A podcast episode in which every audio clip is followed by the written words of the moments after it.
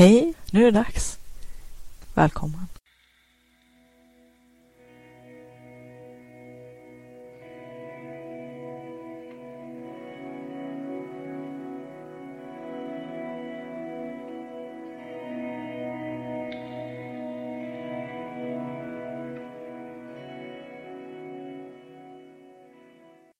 Vill du uppleva mera kreativitet och flow, få mer kvalitetstid till ditt skapande och kreativa liv, mer energi och lust, tillgång till dina kreativa superkrafter? Då har du kommit helt rätt. Välkommen till Kreativitetspodden. Hoppas att du ska ha en trevlig lyssning. Hej och välkommen till ännu ett avsnitt med Kreativitetspodden. Vi skriver jämt två tiotal, avsnitt 20 och det känns bra att komma igång med poddarna igen efter ett par månaders uppehåll här nu. Som har berott på sjukhusvistelser och inte mindre än tre operationer och ja, så som livet och verkligheten ibland kan komma i vägen för den. Men idag tänkte jag att vi skulle prata om negativt självprat och eh, de inre negativa tankar som vi har präglats ofta sedan vi var små att hela tiden köra om och om igen i vårat huvud. Som en bandspelare på repeat. Den inre negativa kritiken kan det också handla om. Och eh, det här med negativt självprat, jag har ju berört det i några andra poddar tidigare om hur vi ibland kan trycka ner oss själva och att vi upprepar samma negativa kritik som vi har hört från andra som inte så sällan kommer från en annan eh, företeelse som jag pratat om i den här podden, nämligen energitjuvar. Eller som jag brukar lite skämtsamt kalla dem för optimistkonsulter. De som kan ta glädjen ur precis allting. Alla har vi några stycken sådana i våra liv. Nu har jag gjort slut med ett antal av sådana. Jag har portat dem ur mitt liv helt enkelt. Därför att eh, livet är för kort för att hålla på med, med sånt folk. Dumt folk är det värsta jag vet som Peter Karlsson brukar säga. Peter Karlsson som sjunger i Blå grodorna. Och det är ju så sant som det är sagt. Det konstiga är att vi låter dem fortsätta förpesta våran tillvaro. Även när vi är vuxna. Och eh, såklart som barn är det ju väldigt svårt att försvara sig mot de här eh, optimistkonsulterna eller krösamma Jonas som jag också brukar kalla dem ibland. Ni vet de här eh, som alltid har en skräckhistoria om de som det inte gick så bra för. Först blir de blåa och sen dör de. Det finns alltid ett hot någonstans, speciellt om det handlar om förändringar om någon annan tänker göra någonting, då kan det heta det har ingen gjort förut eller det har ingen testat förut, alltså fungerar det inte. Eller så det omvända argumentet lustigt nog. Det har testats förut och det funkade inte då heller. Så det finns alltid de här optimistkonsulterna inom citattecken som vill avskräcka oss från att vidga våra egna cirklar och att göra det vi vill och det vi brinner för. Kreativitetens mördare kanske. Jag vet inte, vad ska vi kalla dem för någonting? För de kan som sagt ta glädjen ur precis allting. Och kanske de inte i grund och botten allihopa är onda. Men det kan ju som jag pratat om förut bero på att de vill skydda sig från förändring. All förändring är obehaglig. Som eh, mänsklig ras är vi ju benägna att tycka att allting som är främmande och annorlunda eller som innebär en förändring är obehaglig, hemsk, skrämmande, ett hot. Om inte annat väldigt obehaglig och obekväm på många sätt. Vi vill gärna att det ska fortsätta vara som det alltid har varit, det är skönast så. När det gäller andra människors förändring, då är det ju en viss typ av människor som är väldigt, väldigt aggressivt kritiska mot deras förändring, andras förändring. Och det kan ju bero på en rad orsaker. Jag har ju tagit upp det tidigare om det här med att man då ser kanske sina egna svikna drömmar, drömmar som man har svikit sig själv genom att inte förverkliga. Eller att man på något vis känner att det konkurrerar med ens egna intressen. Den personen kanske inte längre har samma tid eller lust för det som vi tidigare har delat. Eller att man inte helt enkelt har en olycksbroder eller olyckssyster längre som man kan sitta och grotta med. De som tar tag i sina liv är ju ett hot för de som kanske känner att det är lite för besvärligt.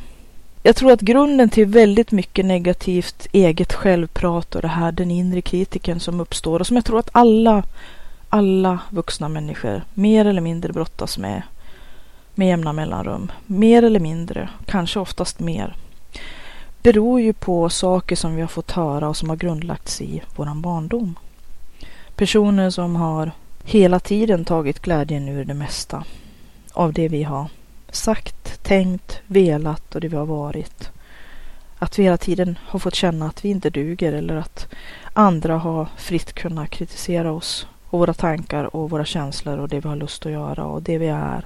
Och jantelagen, janteandan. Du ska inte komma och tro att du är någonting. Det är någonting som har grundlagts i många från tidiga år. Och det är ju ingen ursäkt. Det är ju en förklaring, men det är ingen som helst ursäkt för det beteendet.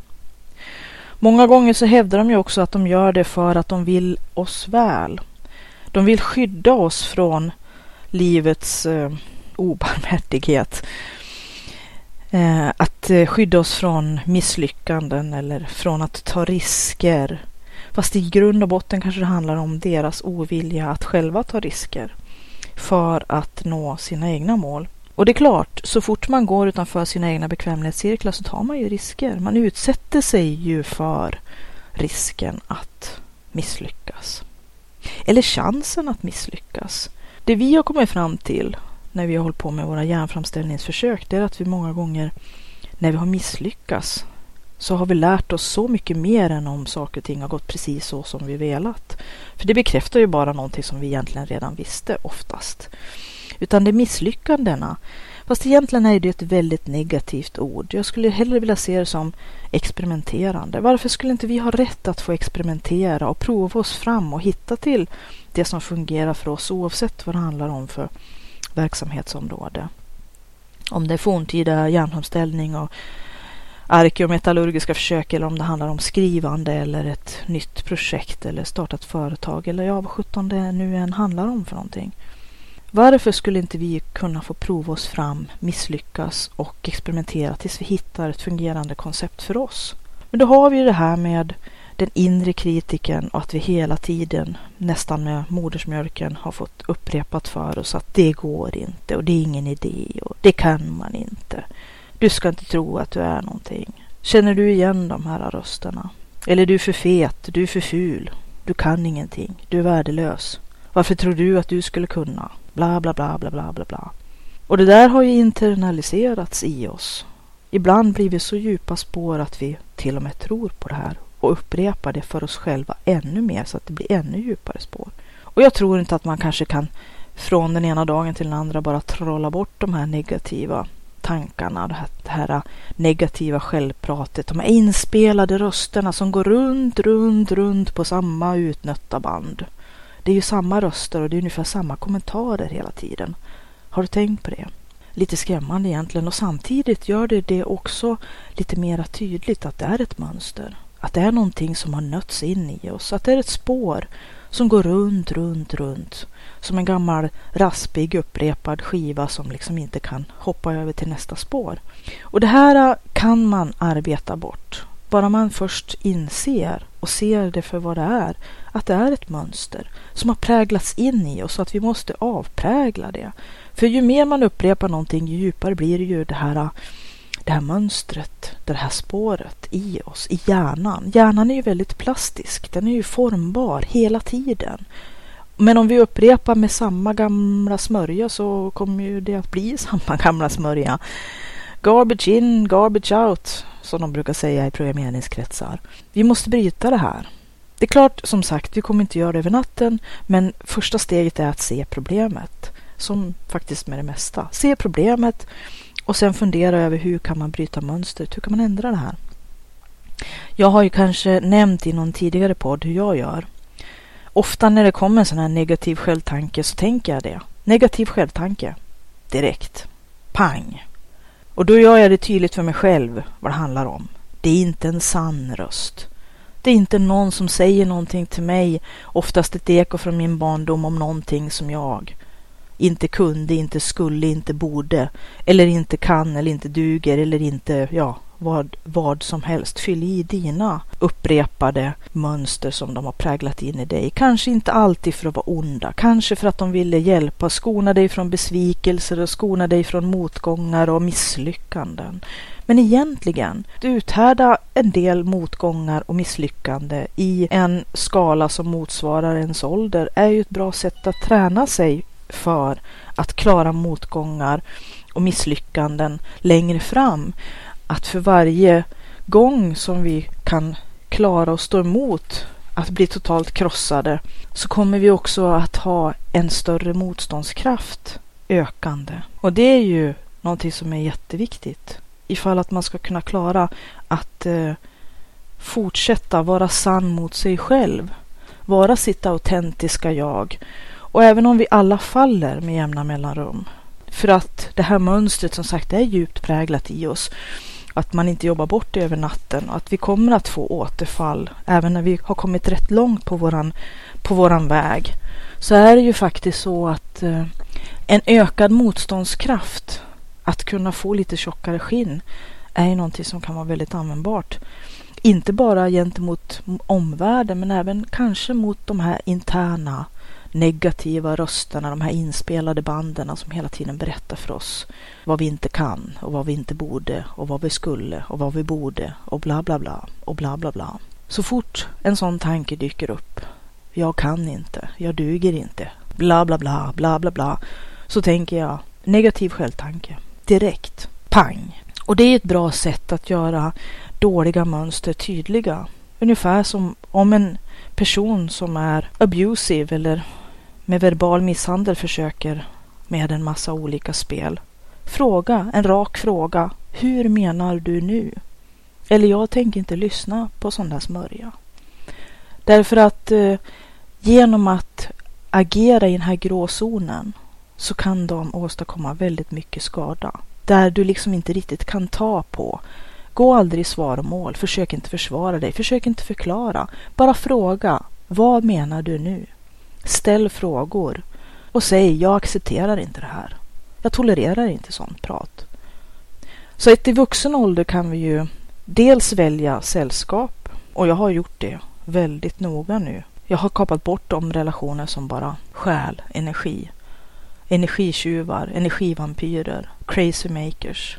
Sådana som aldrig tar hänsyn, aldrig ger, aldrig tillför men bara tar. Helst när det är mest opraktiskt för dig. Ju mer de kan spela dig, ju mer de kan köra sina draman, desto bättre. Ju mera energi får de. Det är en kick för dem att känna att de kan göra skillnad. Om de inte kan vara bäst på någonting så kan de vara bäst på att vara värst för andra. Men de har jag kastat ut. Nästa steg, det är ju att se mönstren som man har präglats med som man inte vill ha kvar. Alla är inte dåliga. Det finns en del bra saker också. Men de som man själv känner, de här ah, vill jag inte ha kvar. De här är egentligen inte grunden och botten mina röster. Det är någon annans röster som jag går omkring och upprepar som jag har hört så många gånger, som har sagts kanske i min barndom och hela min uppväxt eller av andra som jag har levt i nära relation med, som har utsatt mig för kanske olika grader utav abuse är ju ett starkt ord, verbal misshandel är också ett starkt ord, men vi har alla de här personerna runt omkring oss hela tiden, sådana som vill sticka med små gifttaggar och som präntar in de här äh, ständigt återkommande, ständigt samma harangerna, ständigt samma meningar i andra människor. Och så har vi ju våran svenska jantelag. Du ska inte tro att du är någonting. Den är alla så hårt präglade på att vi agerar utifrån det gentemot andra människor. Inåt mot oss själva och utåt mot andra. Vi måste sluta med det. Och de som inte ser det här och som inte tar, tar vårat nej för ett nej, som inte respekterar våra gränser utan fortsätter att överskrida dem, måste vi lämna därhän. Vi kan inte ändra andra, vi kan bara ändra oss själva. Vi kan tala om vad våra gränser är, men om någon inte respekterar dem, då måste vi ta oss därifrån. Se till att de inte längre kan överskrida våra gränser. Det kan vara lätt att säga naturligtvis, lite svårare när man lever i nära relationer. I långa loppet så måste vi faktiskt sluta tolerera andra som kränker våra gränser, inte respekterar dem och går över dem ständigt. Hårda ord i den här podden idag, kanske. Men samtidigt, när man som jag nu efter tre operationer, två till minst kvar framför mig och jag har legat på sjukhus i 11 plus 7 dagar och ytterligare för ytterligare operationer kommer det att bli. Jag har alltid varit väldigt medveten om att livet är skört eftersom att nära och kära har dött ifrån mig. Samtidigt som jag också hela tiden har försökt att mer och mer leva autentisk och sann mot mig själv och välja det som jag verkligen vill så mycket jag kan. Man kan inte välja allt och verkligheten och livet samspelar inte alltid i det som man har planerat och tänkt. Man får ibland acceptera och underkasta sig det och försöka uthärda även svåra partier och delar av livet, motgångar och ibland också sjukdom och ohälsa, saker man inte önskat. Men då man ser döden, andras och sin egen i vitögat så blir det ännu viktigare att faktiskt, faktiskt leva. Livet är för värdefullt att slösas bort. Eller som någon brukar uttrycka det lite slängigt, fast jag tycker det är lite charmigt också. Livet är för kort för dåligt öl. Så jag har gjort aktiva val rätt länge i mitt liv och försökt att göra det som är viktigt och angeläget för mig. Att ta hand om mina nära och kära. Att värna för de värden som är viktiga för mig, som gör mig till en autentisk människa. Och det är klart, man gör ju sig själv sårbar då också. Det är ju det som är, det som är schismen för en kreativ människa. Och jag tänker prata mer om det i ett längre avsnitt som jag har planerat. Och det är just det här med hur kan man skaffa sig ett tjockare skinn för att skydda sig mot sånt som är så förödande för ens inre kreativitet och samtidigt vara hudlös och sårbar och blotta sig själv för att få tillgång till, full tillgång till alla sina kreativa sidor och krafter som finns inom varje människa. Hur? För det är ju lite grann i motsatsförhållande till varandra. Hur ska man kunna ha både tjockt skinn och vara hudlös på samma gång?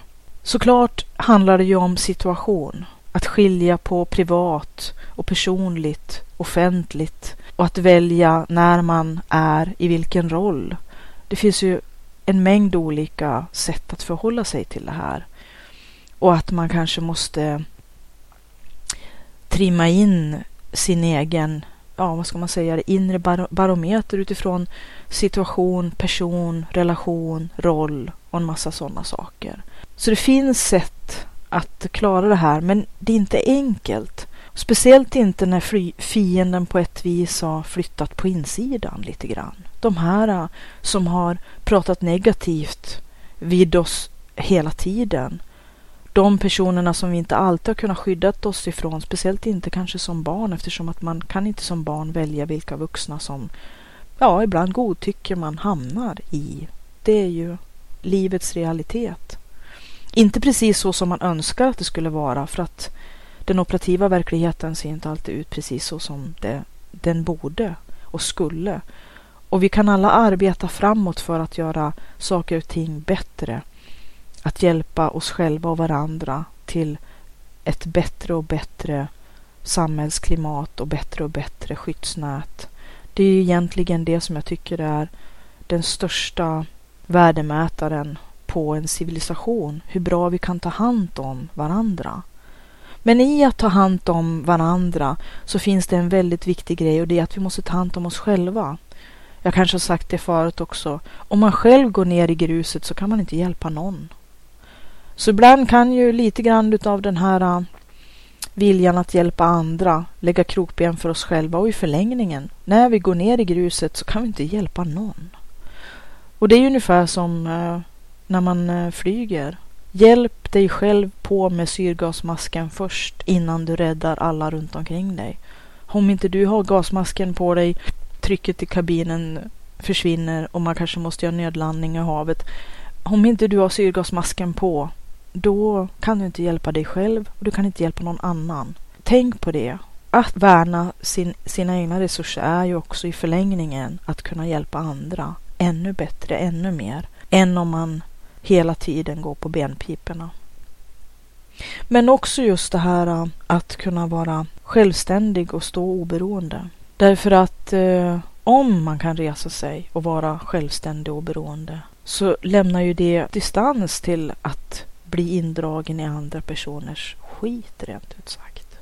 Nu handlar inte det här om att fly ifrån problem eller fly ifrån personer som har det besvärligt, utan det handlar om de personerna som hela tiden har satt i system att bränna andras resurser för att det ger dem en kick, att de kan känna kolla vad jag kan göra, kolla vad jag kan styra, kolla vilka jag kan spela upp, kolla vilket drama jag kan skapa kring min person. Jag som sagt har lagt det där bakom mig rätt mycket nu. Om någon kommer in i mitt liv och, och försöker spela upp de här grejerna så känner jag igen mönstret nu. Känner igen signalerna. Jag märker om min magkänsla säger att något är fel, då är det fel. Och så lyssnar jag på det. Så att man måste lite grann dels skapa källan till det här negativa självpratet. De här personerna som hela tiden får din energinivå att sjunka till fotknölarna. Ett bra tecken som jag själv har det är när jag känner att en person har besökt mig, kanske en kort stund, en eller ett par timmar och jag måste ägna hela resten av dagen åt att rehabilitera min energinivå till det som det var innan de kom. Då vet jag, den här personen.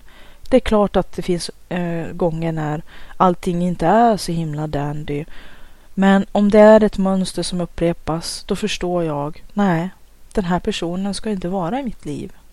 Den kanske funkar i andra människors liv, men den funkar inte i mitt liv. Och då är det dags att göra slut.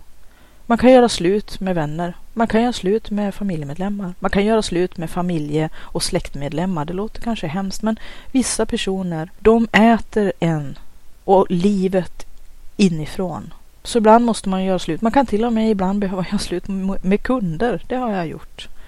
Kunder som man vet aldrig kommer bli en vinstaffär. Och då pratar jag inte pengar, utan jag pratar om mående. Om de alltid, alltid sticker hål på din energi och resurstank så det bara sprutar ut och du blir lämnad torr. Men de tillför väldigt lite, oftast också väldigt lite pengar för de är inte så intresserade av att betala. Men jag har till och med gjort slut med kunder som betalar riktigt bra eftersom att de får mig inte att må bra. Och till viss del kan man naturligtvis uthärda. Många gånger får man både anpassa sig till verkligheten och livet och till omständigheter. Man kan inte alltid välja. En del gånger kan man inte välja. Då gäller det att försöka hitta en, en så ekonomisk strategi som möjligt för att bevara de resurser och, och den energin man har. Men det här negativa självpratet, vi vet ju var det kommer ifrån. Vi kan se mönstret. Och när man upprepar de här orden spelar upp bandet som andra spelar in åt en, då kan man säga negativt självprat. Jag vet oftast också vems röst, vem som spelade in just precis den här lilla signaturmelodin på mitt band, på mitt interna mentala band. Och som sagt, de behöver inte vara onda eller gemena eller kanske ha gjort det med medveten baktanke att skada mig. Men det har inte gjort mitt liv någon tjänst. Och det är dags att skaffa bort de här gamla, dammiga inspelningarna och se dem för vad de är. Dags att skrota ut och ersätta med positivare saker. Positiva affirmationer, självhypnos. Det finns en hel del bra böcker och ljudinspelningar som, som man kan undersöka. Kanske till och med bearbeta ryggsäcken som man har på ryggen med vänner, med sig själv, kanske om man behöver med en professionell person som kan hjälpa en att, att bearbeta och eh, kanske också på sätt och vis lite grann tvinga en att ta fram grej efter grej i ryggsäcken som vi har undvikit, som vi bara har pressat ner eftersom att det är smärtsamt. Vi vill inte gå igenom skiten som vi bär på hela tiden, men å andra sidan Det kanske är lätt att i stunden bära den där ryggsäcken på x antal kilo hit och dit och fram och tillbaka. Vi orkar det, intalar vi oss i alla fall. Men den lastar ju ner oss hela tiden, för varje steg, för varje meter, för resten av livet, hela tiden. Kanske bättre att ta smällen och bara konfrontera, göra upp med skiten, bearbeta alltihopa. För att kunna hälla ut allting ur ryggsäcken och kanske gå därifrån lättad, göra en ny start, göra ett bokslut ibland, emellanåt. Just nu är jag i ett sånt skede att jag gör bokslut med saker som hände för tre år sedan. jag har bearbetat fruktansvärt mycket, fruktansvärt länge och det har inte varit en lätt match. Men nu så står jag på andra sidan och kan känna att det är nära att jag kan göra ett avslut, göra det här bokslutet, slå ihop boken och börja på nytt. Ett nytt kapitel, en ny bok, en ny vit blank sida i mitt liv och lämna det här bakom mig. Det gör mig kanske mera motståndskraftig och jag försöker lära mig så mycket jag kan av varje situation, varje händelse, varje fas i livet som jag ibland måste gå igenom som kanske inte är så jättefestlig. Men det har också stärkt mig väldigt mycket i att göra aktiva medvetna val. Att livet är här och nu. Livet är en dyrbar gåva att förvalta. Och att det är vi som gör våra egna val, bestämmer vad vi ska göra med vårt liv. Att inte göra det är att svika sig själv. Och det vill inte jag. Och det är klart, det är lätt att säga igen. Det är lätt att säga. Men med små, små steg och bryta ner allting bit för bit till mera hanterbara stycken har ju ofta varit min metod. Även när jag står inför ett kanske nästan omöjligt stort projekt eller mental mur så har jag delat upp det i mindre bitar. Och det är ett sätt att hantera, att eh, inte bli överväldigad och kanske backa. Jag har skrivit också en inledning i boken Skapa och sälj som jag tycker är väldigt bra i sammanhanget. Och den är så här. Det är ditt liv. Är du lycklig med det liv du har levt? frågade Bronnie Ware patienter då hon arbetade som palliativ sköterska, vilket resulterade i boken The Top Five Regrets of the Dying. Hon rådfrågade döende personer under deras sista dagar i livet om vilka saker de ångrade. Överst i listan kom Jag önskar att jag haft modet att leva mitt liv sann mot mig själv och inte för att leva upp till det som andra förväntade sig av mig. Då de hade tid att titta tillbaka på sina liv ångrade många att deras innersta drömmar inte blivit förverkligade eftersom att de hade anpassat sig för mycket efter omgivningens krav. Att respektera sitt eget liv och sig själv medan man har hälsan att förverkliga sina drömmar under sin livstid är en chans som vi inte får missa helt enkelt. Det är lätt att tappa bort sig i livets grottekvarn. Var tog alla drömmarna vägen? Kom vi av vår tänkta kurs eller är det dags att ta ut en ny? Våga välja. Att välja betyder ibland att välja om, ibland att välja bort. Vad längtar du efter? Vilka drömmar bär du på? Vad vill du förverkliga? Skapa en egen nisch, en egen verksamhet på heltid, deltid eller som hobby för att få utlopp för din kreativitet, bekosta din egen hobby eller kanske bli din egen boss. Och det här var inledningen i min egen bok Skapa och sälj som är en inspirationsbok för dig som vill sätta igång med det som du alltid har drömt om eller redan håller på med det men behöver en injektion, en vitamininjektion eller kanske en spark tillbaka för att få lite extra styrkraft framåt. Och jag har skrivit på baksidan Du är energisk och kreativ med en massa idéer. Dags att förverkliga dina drömmar. Är det dags för en nytändning? Boken passar dig som vill skapa, sälja, dig själv, dina varor och dina tjänster och vill ha en rejäl vitamininjektion. Och boken hittar man billigast på www.sidharta.se och den handlar ju om, egentligen är det väl den roliga starta eget-handboken som jag hade velat haft när jag startade min egen verksamhet. Men även om man inte har tänkt att skapa sig ett eget jobb i sin egen bransch eller bli sin egen boss. Så överhuvudtaget om man har kreativa projekt, vilka som helst, så står det i den här boken väldigt mycket som man kan använda för att bygga sin egen plattform om storytelling och att hitta sitt eget nätverk och sin egen målgrupp och få lite jävla namma. En spark tillbaka ibland kanske, men också att få en vitamininjektion i det som man hela tiden har gått och tänkt på och drömt om. Nu är det dags att förverkliga det. Livet går inte i repris. Det är ingen dressrehearsal. Det är ingen generalrepetition. För livet, det är här och nu. Och det är bara det bästa att försöka förvalta den gåvan så mycket man kan efter sin bästa förmåga och göra det till sitt. För ditt liv är ditt. Ta hand om dig där ute och eh, gå gärna in på www.siddharta.se.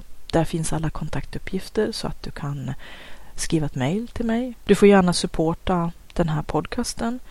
Om du går in på www.siddharta.se så finns det en länk som heter bidra. Klicka gärna där och se vad du kan göra för att hjälpa den här podden. Om den har hjälpt dig så kan du ge ditt stöd tillbaka om du vill. Ha det gott! Tack för att du har lyssnat på den här podden. Hoppas den var till mycket nytta och glädje. Om du vill läsa mera om Siddharta, gå in på www.siddharta.se Z-I-D-D-H-A-R-T-A.se. Där finns också kontaktuppgifter så att du kan till exempel mejla om du har frågor eller kommentarer eller vill ta upp något ämne som du gärna vill höra på podden i framtiden. Välkommen att höra av dig.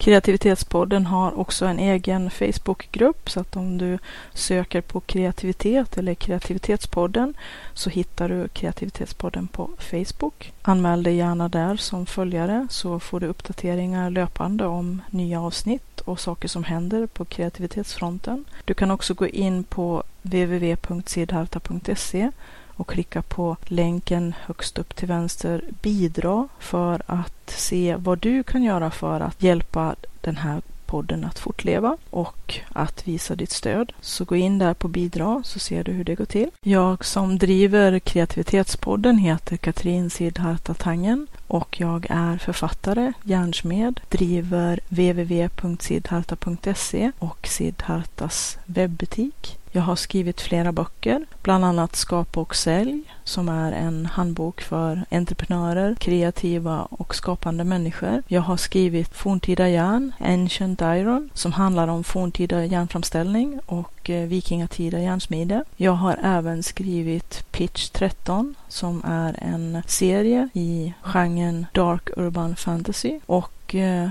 nu finns även ljudboken för kreativitet och flow enligt Siddharta. Allt detta kan du hitta på www.siddharta.se där du också kan gå in i butiken, Siddhartas webbshop, där böckerna kan köpas till bästa pris.